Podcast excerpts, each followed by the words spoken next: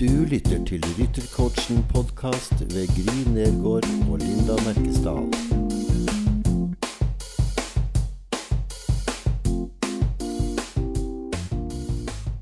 Men så kjøpte du deg jo ny hest, vet du, og det var jo han som ble en god stjerne for deg. Du har jo hatt flere hester, men det er liksom eh, Amy som var først, og så er det nå han eh, Dakar som på en måte var sist. Amy, ja, for Amy var jo den som liksom har lært meg å lære en hest noe. Ja. Lært meg å liksom ikke bli sint. Lært meg å liksom si ja, men man må jobbe med hesten som den er. Men på et tidspunkt så følte jeg jo at hun ikke var rask nok, at hun ikke var god nok, og at hvis jeg ville liksom følge med de andre, så måtte jeg ha en ny. Fordi vi var jo i Wales og red der, og jeg kunne jo se at det gikk veldig, veldig bra når vi red på lag. Men jeg ville jo også veldig gjerne prøve å vinne noe individuelt og par, fordi nå hadde jeg liksom vunnet noen lagstevner, og det var selvfølgelig gøy, men nå ville jeg noe mer. Da måtte vi inn i et, en ny hest, en ordentlig seniorhest, fordi Amy var nok mer en junior- eller nybegynnerhest. Og så kjøpte jeg Dakar, og jeg hadde jo Amy og Dakar samtidig i 2012. Og så hadde jeg Amy, så jeg hadde fortsatt liksom henne til å holde meg god og henne til å konkurrere med. Jeg var jo ikke så kjent i Danmark på det tidspunktet, så jeg kjørte etter skolen klokken tre. Og trodde jo det at eh, Danmark er ikke særlig stort, så jeg skal bare kjøre til denne byen og prøve Dakar. Så har du heller aldri vært så veldig god i geografi. Da. Nei, det har jeg heller ikke. Jeg har egentlig vært ganske dårlig. Når det går opp for meg at det er helt i andre enden av Danmark, og det tar nesten seks timer å kjøre dit, og så ringer jeg til dem og spør om de har ridehus eller ridebane med lys på, og det har de ikke. Så kommer jeg dit sånn ja, klokka åtte om kvelden eller noe sånt nå, det her var jo i mars. Nei, faktisk i januar. Så det var ganske mørkt, ja. Mm. Ja, klokka åtte om kvelden i januar i Danmark. Det er mørkt, og det regner, og det er kaldt. I Danmark så er det veldig mange som saler opp for deg når du skal prøve hestene, så hun salte han jo opp med innspenningstøyler og strikk og sier han er litt, uh, han er litt gal. Så jeg sa ja, nå skal du bare være forberedt, jeg håper du har på deg sikkerhetsvest. Jeg tenkte bare Ok. Det hørtes så trygt. trygt ut. altså, så jeg bare Men um, jeg har ikke tenkt meg å sette opp en hest som har på seg verken strikk eller innspenningstøyler, så kan du ta det av. Nei, da kan man ikke ri på en stem. Den sjansen tar jeg, jeg vil gjerne prøve han uten. Og satte meg opp, og Dakar var bare sånn derre Han gikk bare rundt der og tenkte Jeg skal ha den hesten her. Du, hvordan visste du det, eller hvordan Jeg vet ikke. Altså, sånn, så, så tenkte jeg nå vil jeg prøve å galoppere og se om han i det hele tatt uh, hvordan han er å sitte på. Og det var et langt jorde, og det var mørkt. Og så prøvde jeg å sette litt i galopp, og idet jeg liksom slipper han, så går det bare som en lyn av gårde. Og jeg tenkte å, fy fader. Shit! Og så sier jeg wow, og så tar jeg tøylene og slipper med en gang. Og så står han bom stille. Så tenkte jeg han skal jeg ha. Perfekt. Han var jo ferdig, trent ferdigtrent, han, på start, Ja, han start og stopp. Ja. Og så skrytta jeg bare tilbake og sier jeg, den skal jeg ha. Og hun bare Å gud, for en flink rytter du er. Jeg skjønner ikke at du tør å ri på den. Ja ja. Så prut, pruta jeg prisen litt ned på bakgrunn av den kommentaren, så jeg fikk jo med meg en hest hjem til 8000 kroner. Og ja, Ja. kjørte hjem og var hjemme klokka fire om natta eller noe sånt. Noe. Fordi jeg skulle jo bare en liten smuttur og prøve en hest som jeg ikke skulle kjøpe, og endte jo da med å ta med noe av Dakarim. Og jeg husker bare når de som bodde på gården der hvor han sto, kom ut og bare Hva er det her for noe rangel? Den er jo så tynn at den der kommer til å dø innen et par dager. Men nei da, Mm. den er fin. Og så fikk jeg en dyrlege til å komme og vaksinere han, og en hovslager til å komme, og så en dyrlege til å lage en diett til han, og så starta vi da. Å ri. Og han var jo litt Han var jo ganske Han var jo ekstremt sensitiv. Han var sånn derre Hvis jeg bare satt litt feil i salen, så var det akkurat som han prøvde å ta hodet sitt baklengs for å se på meg og si 'Hva er det du gjør nå?' Hvis noen andre fikk prøve han, det likte han ikke. Så det var liksom, tok han hodet rett opp og gikk sånn helt bøyd med ryggen. Så kan jeg få den av hvis jeg bøyer ryggen min nok. Men det var ingen andre som kunne ri han. Jeg tror ingen har kunnet sette seg opp på han og få noe ut av han. Uh, ja. Han var veldig sensitiv og veldig enmannshest, og det tok veldig lang tid. Og jeg må si at jeg har også felt vanvittig mange tårer over den hesten de første, det første året jeg hadde han. Så det var litt vanskelig å lære han games, fordi at Jeg tenkte jo han går fort, han stopper, og han svinger så bra. Men han var også veldig sensitiv, så du, hvis du bare hadde litt ubalanse, så løp han den retningen. Mm. Så det ble jo Så egentlig noe det- helt annet enn Amy, som var litt mer traktor, og så her fikk du en sånn Formel 1-maskin. Ja, skik- skikkelig, skikkelig rask. Og til sist så var jeg faktisk på det stadiet hvor jeg tenkte det her går ikke. Og så husker jeg at jeg sa til sin landslagstrener, Danmarks landslagstrener, som jo var min trener på det tidspunktet, at eh, jeg tror ikke jeg kan ri Dakar. Jeg tror ikke jeg kan ha han, fordi han er så vanskelig, og jeg klarer det ikke. Han er så Jeg tror aldri han kommer til å bli noe god, fordi han er så redd, og han er så sensitiv. Og så var det hun sa til meg at hun hadde en rytter som har eh, trent opp hester for henne. Hun har jo solgt masse hester opp gjennom årene, mange gode hester. Så hun hadde en rytter som var veldig flink, og som var vant til arabere. Om ikke jeg ville la henne prøve ri på den, så jeg kunne se hvordan det så ut selv. Og det var en veldig god hjelp. Å se en Mm. flinkere rytter ri på sin egen hest. Hun satte seg opp, og da kunne han plutselig alt. Og han var jo så rask, og han var jo så fin, og hun kunne få til alt på han. Og så tenkte jeg, selvfølgelig, man skal bare ha troen på han. Mm. Og så var det liksom at når jeg hadde sett Det er jo ikke noe galt med hesten. Det er jo meg det er noe galt med. Eller jeg gjør et eller annet feil, jeg har en eller annen feil holdning. Så, så venter liksom hele mindsettet mitt til at det er jo ikke hesten i det hele tatt. Han kan jo. Nå skal jeg bare lære meg å ri på en som du sier, Formel 1-hest, og ikke en Traktor. skilpadde. Mm. Ja, for da hadde du jo snudd litt, for du visste jo når du kjøpte den at det var den du skulle ha, men så ble det såpass mye hardt uh, arbeid, og da var jo, hadde du jo kanskje ikke helt kunnskapen til akkurat den type hest, siden du ikke var vant til det. jeg hadde ikke prøvd det før. Nei, så du fikk jo litt hjelp utenfra, men Men så hva skjedde videre, da? veldig. Ja. Ja, men jeg begynte jo å ri Jeg red ikke så mange stevner på han, men jeg red jo så utrolig mange kurser.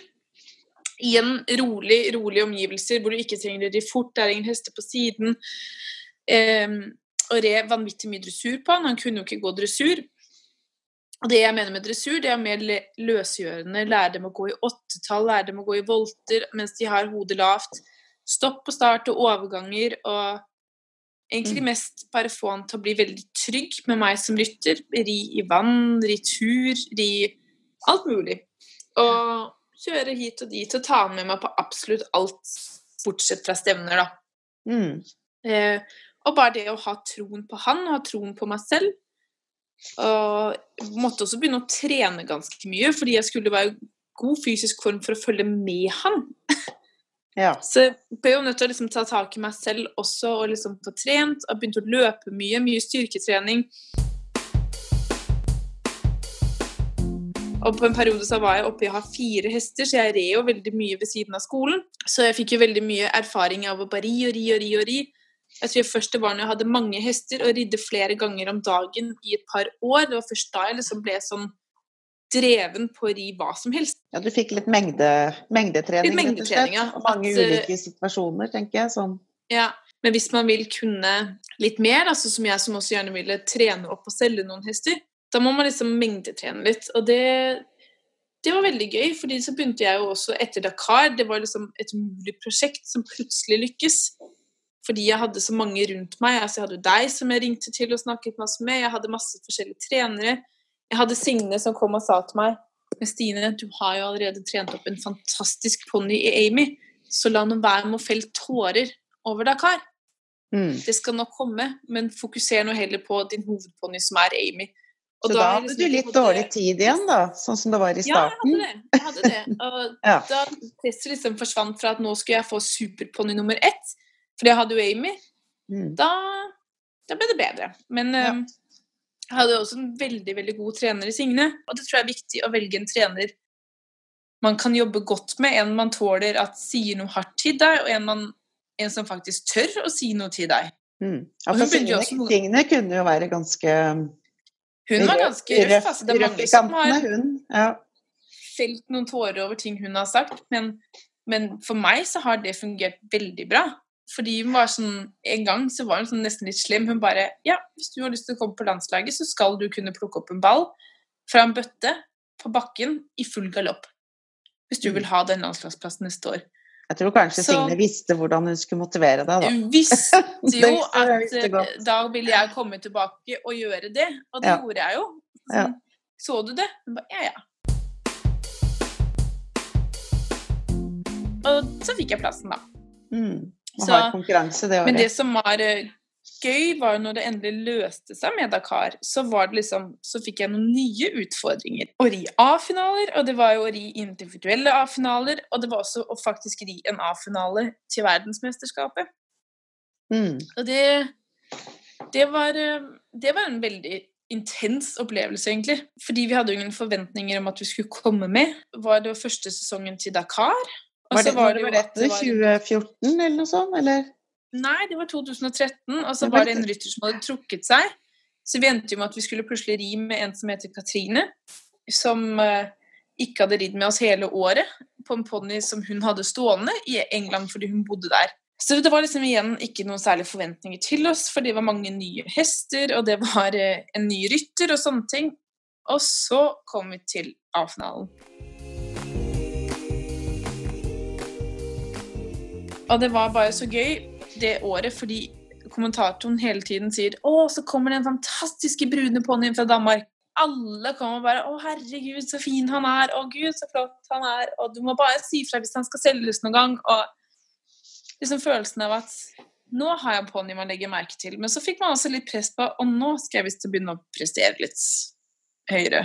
Nei, man får jo også sånn supergod stolt følelse inni seg når man rir på en hest som mange syns er Jeg tror fra første gang jeg reiste stevne på Dakar, til det siste stevnet jeg red på Dakar, så var jeg så stolt når jeg kom inn, fordi alle var sånn For en fin hest. Han var en helt vanlig brun Mm. ponni, men han hadde jo en utstråling som Ja. outshinet alle andre brune ponnier. Når vi snakker om det nå, så bare kjenner jeg sånn der gåsehuden, for han var Ja. utrolig spesiell. Han hadde ja, voldsom utstråling. Så man sier jo det at man møter en hest en gang i livet, og det er hesten, og det var nok Dakar. Tror aldri jeg kommer til å få en sånn som han igjen. Men ja. tilbake til Irland, da, da kom dere i en eh, A-finale. Det gjorde vi, og vi kom heller ikke sist. Så det eneste målet vi hadde, var å ikke komme sist, og det gjorde vi ikke. Så vi hadde jo den beste festen, men eh, det som skjedde da, var jo at da hadde man plutselig mye større forventninger til seg selv neste år. Ikke sant? Så kom 2014. Ja, Ja. så kom 2014, og da var liksom forventningene skyhøye. Og da begynte det bare å gå fantastisk bra med Dakar, og han gikk bare superduper fint. Og han startet jo Altså, første session han, Hver gang jeg startet, var han først i mål, og det var bare superbra. Men der, Men- nå er du tilbake på VM-en. Var det da Hvor var dere hen da? Nei, det var liksom før Det var før eh, DM og alt det der. Um, Ja. Det var liksom året etter. Det var det første store stevnet etterfølgende. Mm.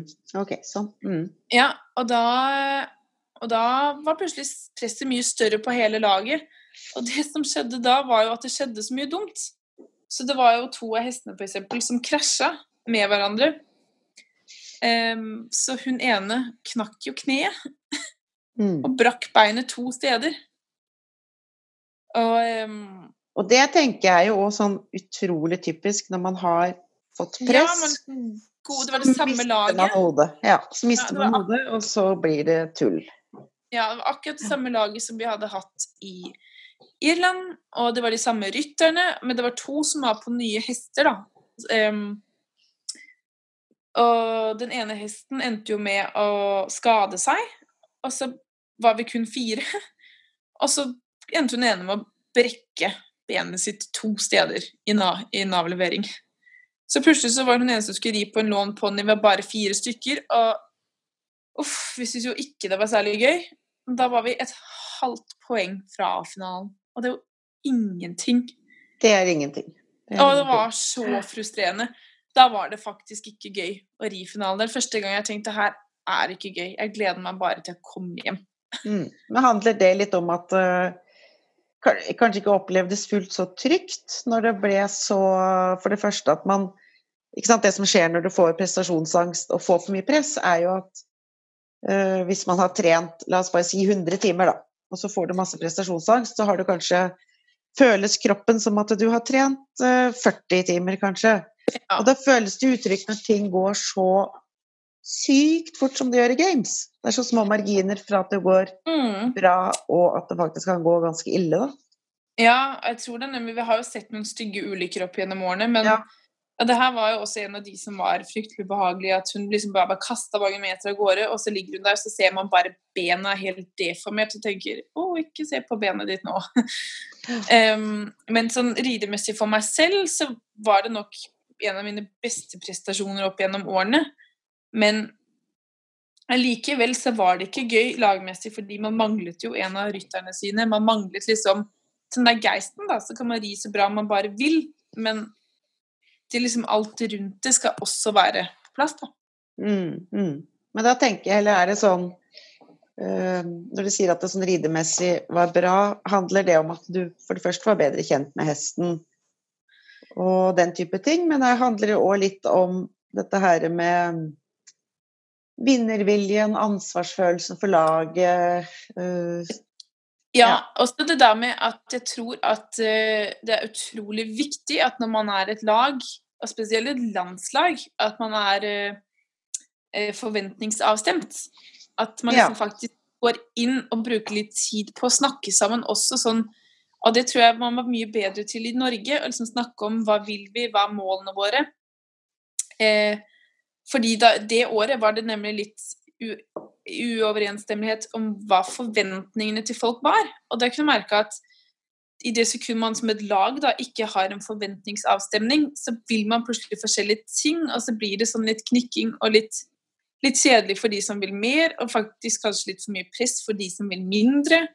For du kan jo si at suksessen var jo at dere var et halvt poeng unna en A-finale, men så er det Det liksom var suksess. en suksess. Det var som jeg sa, det er jo ikke noe gøy, og heller ikke hvis vi var kommet til A-finalen, sånn, fordi vi hadde jo følt at vi hadde mista en person, og vi visste at hun lå på et sykehus hvor de ikke snakket engelsk, hun kunne ikke engelsk, og det var fryktelig kaotisk. Um, også fordi at i finalen så skada jo den, den fjerde rytteren seg, så var vi plutselig bare tre, og man skal minimum være fire.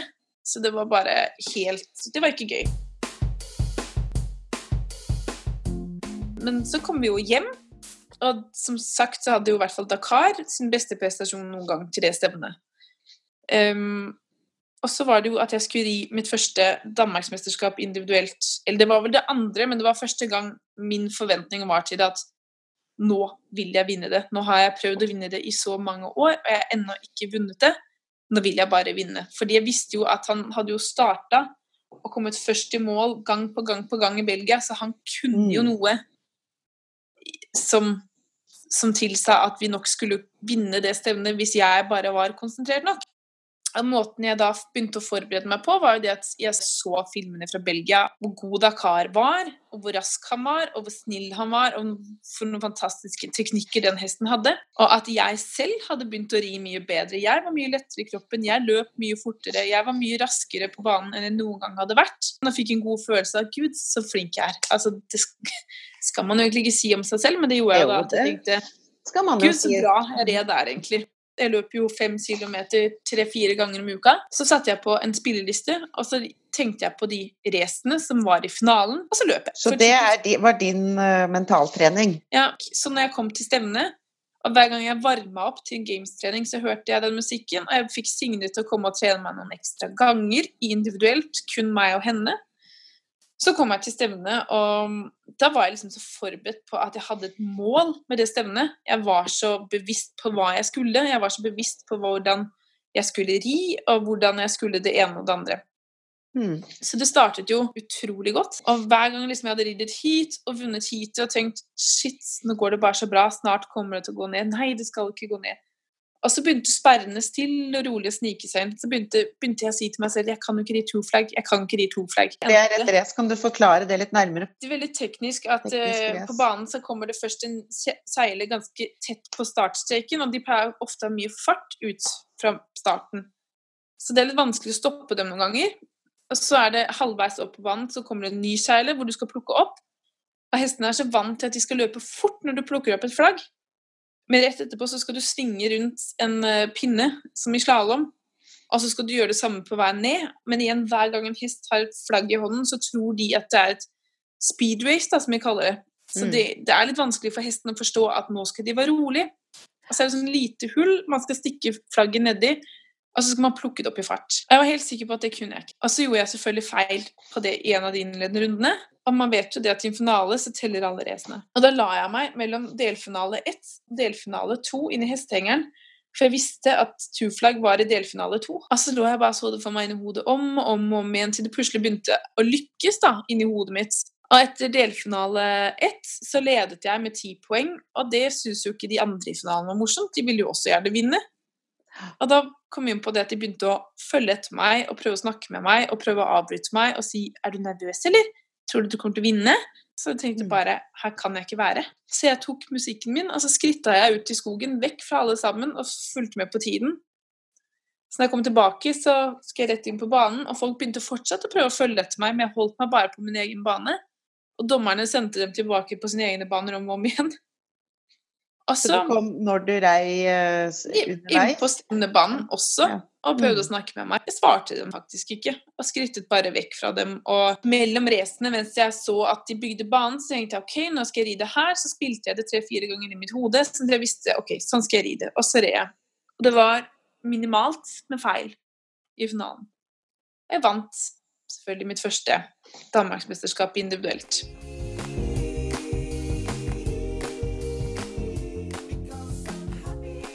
Ja, da var vi mange på sidelinjen som sto med tårer i øynene og jubla. Det var jo bare et sånn utrolig For jeg visste jo liksom fra starten med Dakar, og fram til det hvor mange timer du hadde jobba, og hvor hardt du hadde jobba med han. Og egentlig helt fra starten med Amy. Og så lykkes Ja. han på den måten. Men jeg tenkte jeg ville bare si litt om det du hadde gjort. For det, det med musikken Ja. Sånn som vi bruker i den mentaltreninga som jeg lærer bort, så bruker vi jo alle sansene som sånne mm, utløserknapper for en følelse. Sånn at den musikken hjalp jo deg til å få en spesiell følelse som du hadde brukt eh, da hele vinteren på å bygge opp. Fortell litt om det.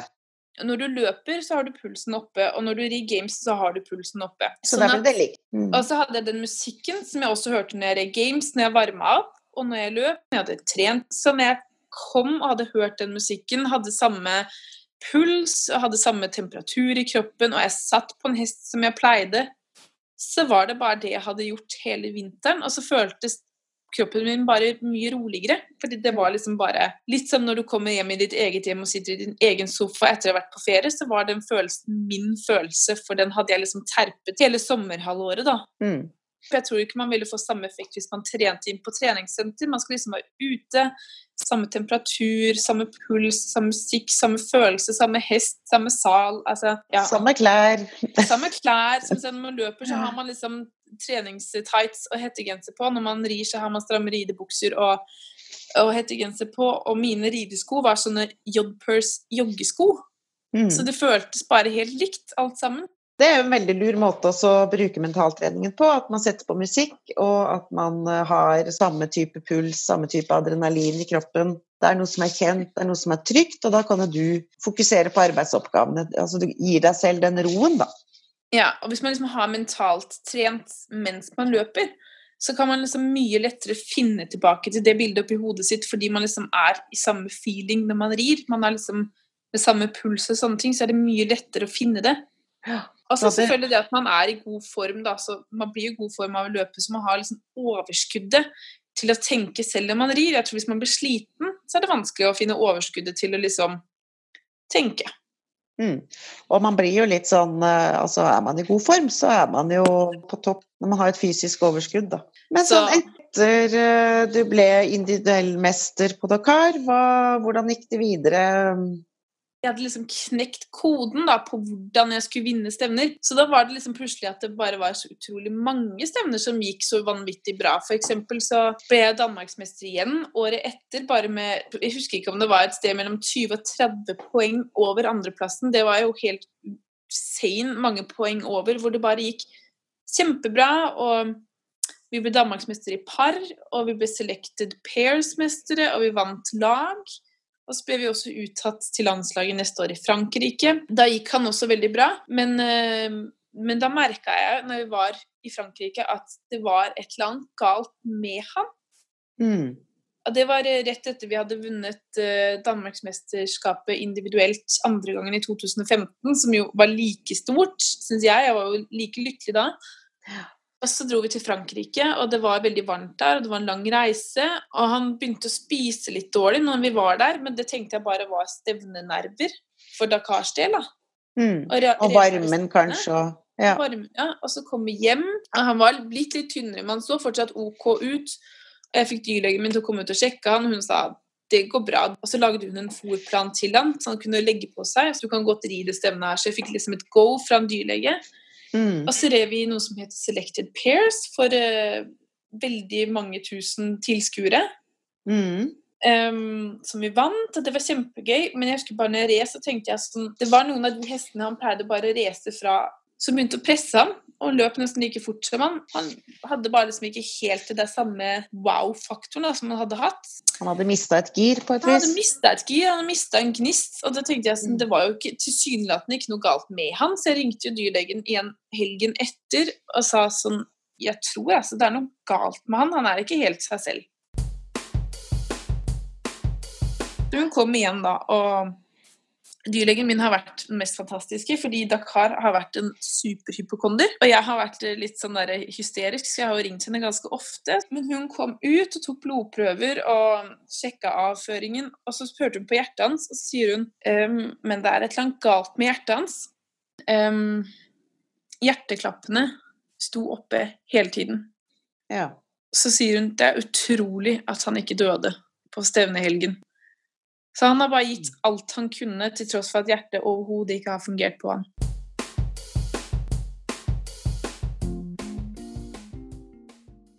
Men det var bare tilfeldig at jeg bare sånn, hadde en feeling at det, Fordi han var jo ikke sånn han var jo ikke sånn skjelett, han var jo ikke sånn sykelig tynn. Det var bare sånn, han var bare ikke helt seg selv. Så det var jo bare fordi jeg kjente han så godt, og vi hadde sånn tett bånd, han og mm. jeg, at jeg tenkte det er et eller annet som ikke er helt som det pleier. Han er ikke Dakar akkurat nå. Altså var det jo selvfølgelig noe galt med han. Og han levde mange år etter det også, hvor han bare gikk og var hyggeonkel, som vi kalte han. Og mm. gikk med følgene som skulle avvennes fra mødrene sine, og bet litt til dem. Og ble tjukk igjen og sånne ting. Ja. Ja. Ja, og når jeg gjerne ville flytte han, så jeg kunne fortsette å ha han bare som sånn hyggehest, så sa dyrlegen til meg at du skal ikke flytte han fordi det tåler han ikke. Enten så må du avlive han, eller så må du la han bli. Og så kunne jeg ikke la han bli, og da måtte han dessverre avlives.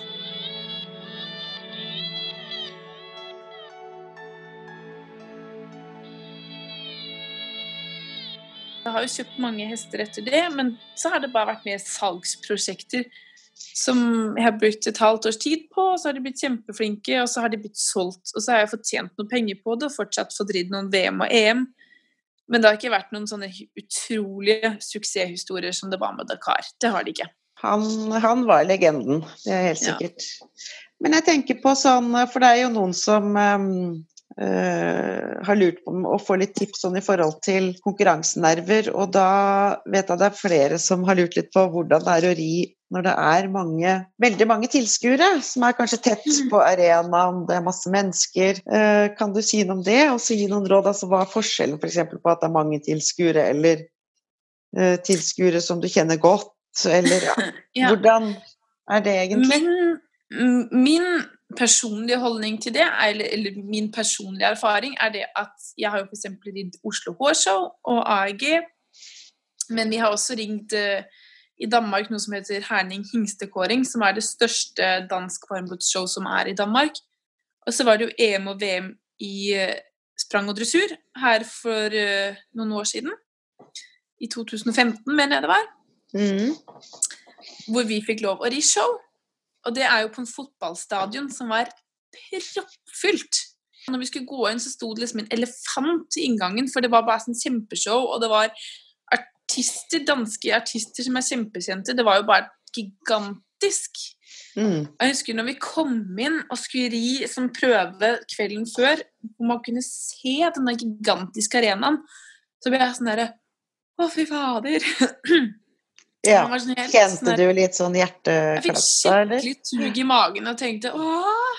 Men det som var da når vi kom inn på kvelden, men heldigvis var banen så stor, så det tok jo nesten tre minutter å galoppere hele veien rundt, for den var så stor. Det var en fotballbane. Så fikk man liksom sagt at herregud, man kan jo ikke se publikum. Ikke sant. Og så var banen så stor at hvis hestene stakk litt av, så kunne de ikke se det. Og det igjen treneren beroliget oss med, var det at når det er et så stort show, så er det så mange mennesker. Men det er jo ingen viktige fra games-verdenen her. Det er jo ikke noen som sitter og vet hva jeg driver med. Så hvis de gjør en feil, riv videre. De har ikke en idé om at de har, dere har lagd en feil. Eller gjort en feil. Og det var sånn litt da var det jo ikke så viktig. For egentlig så skulle vi bare ri litt fram og tilbake i full galopp og hoppe litt av og på hesten. Ja. sånn at Da ble um, presset, presset tatt bort. forsvant egentlig presset, ja. Og, Ja. Men det var jo helt sykt å ri der inne med lys og så mange mennesker og så mye lyd, og den musikken som var så høy. Um, og så tror jeg bare det at man venner seg til å ri sånne store show. Man skal bare huske på at de er så langt fra deg, så de er ikke tett på deg. Det samme til Oslo Hårshow, så er det så langt fra tribunen til banen at du ser jo ikke ansiktene til menneskene, du vet ikke hvem de er. Nei. Fordi for eksempel når vi red til uh, hingstekåringen, så var jo prinsessen av Danmark der. Prinsesse Benedicte, søsteren til dronningen. Hvis jeg hadde visst at hun var der, så kan det godt tenkes at man ble litt nervøs, fordi når vi liksom var ferdig med å ri, så ble vi liksom innlosjet til å si nå skal dere stille dere her og neie for uh, hennes kongelige høyhet. Så vi bare Hæ? Sto vi der da utkledd som dalmatinere og skulle neie for hun derre prinsessa? Jeg tror Hvis man hadde visst det på forhånd, at man skulle neie, så tror jeg kanskje man hadde vært litt nervøs da. Så neiinga var verst. Det var ikke var av publikummere. Men du sa i hvert fall et godt tips. Og ikke gå så mye opp i hvem som er der. Ikke undersøk hvem som er der. Ikke begynn å se etter folk i publikum. Mm. Se heller ned i bakken. Ja. Eller et Eller- annet. Eller ha fokus på arbeidsoppgavene. arbeidsoppgavene. Fordi at um, jeg har jo ridd mange show uten å gjøre feil, og selvfølgelig har man jo noen gode nerver, litt sommerfugler. Å, det blir gøy, og det er litt skummelt, og Men det skal man ha, for ellers så har man ikke den der ekstra geisten.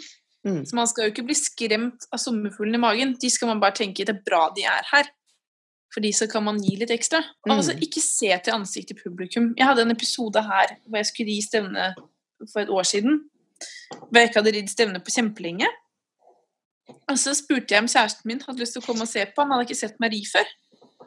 Og jeg hadde ridd de innledende rundene i helgen uten at han var der. Og hadde masse poeng og kom i A-finalen, og det gikk dritbra. Så så jeg at han sto der. Så var det akkurat som evnen til å ri plutselig bare forsvant. Da, Fordi jeg hele tiden sånn så Så han meg nå? Så han meg nå? Så Ja. man skal kanskje ikke tenke så mye på hvem som er der. Kanskje ikke invitere en ny kjæreste, f.eks. Da hvis en mor får vite av en trener at det er en talentspeider der, så tror jeg hun bare skulle la være med å si det. Fordi da får man ikke det presset på seg. Mm. Så poenget her er egentlig å ta press vekk fra Ja. skuldrene dine. Og jeg tenker jo også det at når man rir, så skal man jo bare ha fokus på å ri. Men da hjelper jo dette her med gode planer og føle seg trygg og drille ryggmargsreflekser og ha et godt team og i det hele tatt. Det er mange Ja. Et tips jeg kommer til å tenke på nå, som jeg har brukt nærmest til alle stevnene opp gjennom alle årene, er at hvis jeg blir nervøs, så begynner jeg å synge en sang inn i hodet mitt. Ja. Og jeg synger og synger og synger, og hvis jeg kommer med dumme tanker, så synger jeg enda høyere inn i hodet mitt. Noen ganger så begynner jeg faktisk å sitte og synge litt for meg selv, så folk spør synger du? Ja. Så tenker de ikke så mye mer over det. så er det bare for å overdøve dårlige tanker, så synger jeg bare høyere, og høyere, høyere. Eller hvis jeg blir nervøs, så begynner jeg å fokusere på sangen. Og synge Mm. og synge og synge. Så noen sesonger har jeg hatt uh, den der 'Firework' av Katy Perry, andre sesonger er et andre sanger. Ja, men det var, en, det var et godt lite tips.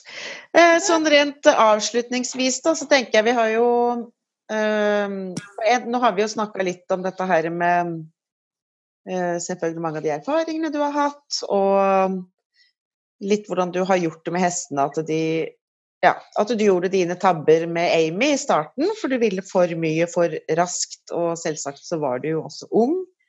Eh, Og så lærte du veldig mye av det, uh, som du har tatt med deg da til Dakar, som fikk lov til å være med rundt og venne seg stille og rolig til stevner, og det har jo mange av de andre hestene dine også fått gjort i ettertid. Bare vært med og sett på, blitt tatt med rundt og fått sosialtrening og sånn. Men så har du også um, alltid vært veldig sånn Etter hvert som du har lært mer, da, så har du jo på en måte lagd deg et, uh, et system. For det er mange som tror kanskje da spesielt unge mennesker som har forbilder som er gode og som konkurrerer på høyt nivå, de ser jo bare når det er full fart. Og samme som hvis man ser på YouTube-filmer for mye, så ser man jo egentlig bare når en hest er under uh, i prestasjon. De ser ikke alt, mm. alt, det arbeidet som ligger ut, så, eller bak, som Nei. jo er noe helt annet.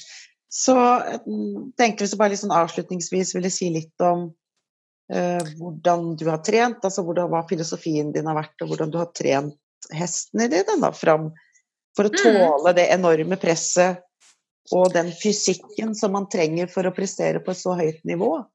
Ja, altså jeg fant Brukte jo et par år da på å finne en uh, god rutine på det. Uh, men det som fungerte veldig bra for meg til sist, var jo det at jeg trente jo nesten ikke games hjemme. Jeg gjorde nesten det kun til store baner med riktige mål, med trenere og andre ryttere. Så hverdagen til mine hester var veldig lite games-prega. Jeg hadde sånn sånn regel for meg selv at hver tredje dag skulle de gå dressur. Mm. Um, Maks to ganger i uka måtte de gå dressur. Men det var mer sånn um, løsgjørende. Det jeg pleide å gjøre med Dakar, var at jeg hadde et ganske samme program som vi rev hver gang. Og det var med å starte og skritte ned til ridebanen, for vi hadde ikke ridebane hjemme, som ca. tok 15 eh, minutter, så den liksom var litt varm. Og så tok vi og skritta noen skjenkelvirkninger, versjader, traværer, og så tok vi liksom av bakpartsvente og forpartsvente noen ganger i hvert hjørne. Mm. Og så begynte jeg å trave, hvor det var en volte, volte i to runder, og så skjenkelviking, skjenkelvikning. Og så sikksakk, og så travstopp på slutten av enden. Og så ja, masse overganger. Og så i galopp, hvor han gikk først en stor volte litt, og så en liten volte rundt, en liten volte rundt. Og så til sist så kunne vi kanskje ri litt åttetall helt på lange tøyler, hvor jeg prøvde å få nesa helt ned i bakken. Mm, for å få den til å slappe helt av. Ja. Og det gjorde vi også i trav, så vi gjorde trav og galopp. Og så prøvde vi å ri åttetall hvor han liksom galopperte én side, den ene siden, og så stoppe bråstopp i midten av åttetallet, og så til neste galopp, og så sånn skifta galoppen for bråstopp. Altså Til sist så fikk han lov til å løpe alt han kunne på langstrekningen, bråstopp, og så rolig galopp på kortsiden, og så full galopp og bråstopp. Så han kunne bare det her så utrolig godt, og det var liksom også utrolig sånn lærerikt for ham, for det var veldig likt den måten vi rir games på. Mm. Men en slags løsgjørende. Og så avslutta vi alltid med å ri noen svinger, gamesvinger, på begge hender. Ikke kun høyresvinger, selv om man alltid svinger til høyre, nesten. Så svingte vi både høyre og venstre, så han var like sterk på begge sider. Mm. Og så slutta jeg alltid da med ett eller to påhopp for å holde meg selv i gang og liksom holde feelingen på det, selv om jeg ikke trente. Mm. Og ellers så pleide jeg også å ha en langkjøring hvor han trava en mil to ganger om uka. Og så fikk mm. han lov å gå en helt vanlig tur hvor han fikk galoppere og strekke seg én dag, og så løp vi intervaller en annen dag. Mm. Så du trente ja, det... egentlig både lydighet og games i mm. rideveiene og ja. Også det at han skulle stoppe på tur. Han skulle kunne gå i full galopp, og så skulle han kunne stoppe. Mm. Og så skulle han kunne gå rolig. Så det var veldig mye sånn der terpe, terpe, terpe, terpe på de tingene som var viktige på gamesbanen. Bare i uansett hva vi gjorde. Mm. Og det har jeg jo tenkt mange ganger at det har jo vært en veldig god kombinasjon av trening, fordi at nå har jeg jo solgt mange hester, og de har alle sammen gått gjennom veterinærsjekkene, altså handelsundersøkelsene, og jeg har hatt veldig lite beinskader på hestene. Nei, men det er klart, Du har jo hatt det i veldig sånn variert trening. Både at de har vært ute i terrenget mye, ikke sant? og de har, gått mm. stor, har jo òg fått gå på store områder når ikke de blir ridd. Mm. Vi har bodd i et veldig tupert område hvor det har gått veldig mye opp og ned. Men det er jo Danmark, så jorden er veldig flat og veldig lite stein. Så vi har jo hatt noen fantastiske ridemuligheter. Og så bodde vi rett ved vannet, så om sommeren så var vi faktisk ofte og skritta en time i vann, så vi også fikk vanntrening. Ikke sant. Så Ja. veldig variert trening. Og og så bare det der med at jeg hadde de på døgn, på døgn, altså ute hele døgnet om sommeren, og lot de bare være hester uten å gjøre for mye med dem. Mm. Store, grønne beiter som de bare kunne gå på hele døgnet. Ja. Så, det, Så jeg så de har levd et godt, avslappende liv i rolige omgivelser med kun meg i stallen. Da. Mm.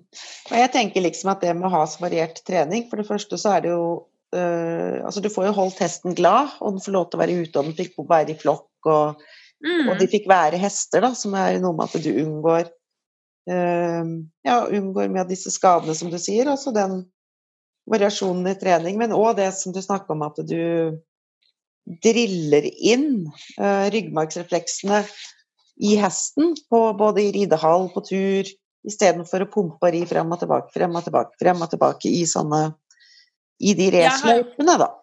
Ja, jeg har i hvert fall ingen god erfaring med å race for mye, fordi plutselig så får du faktisk overtrent det, og hvis du da får Ja. gjort en feil sent i treningen hvor både du og hesten egentlig er sliten, og man da fortsetter, da kan man virkelig få en hest som syns altså, at games er det kjipeste i hele verden. Mm. Også rytter kanskje ikke syns det er så gøy.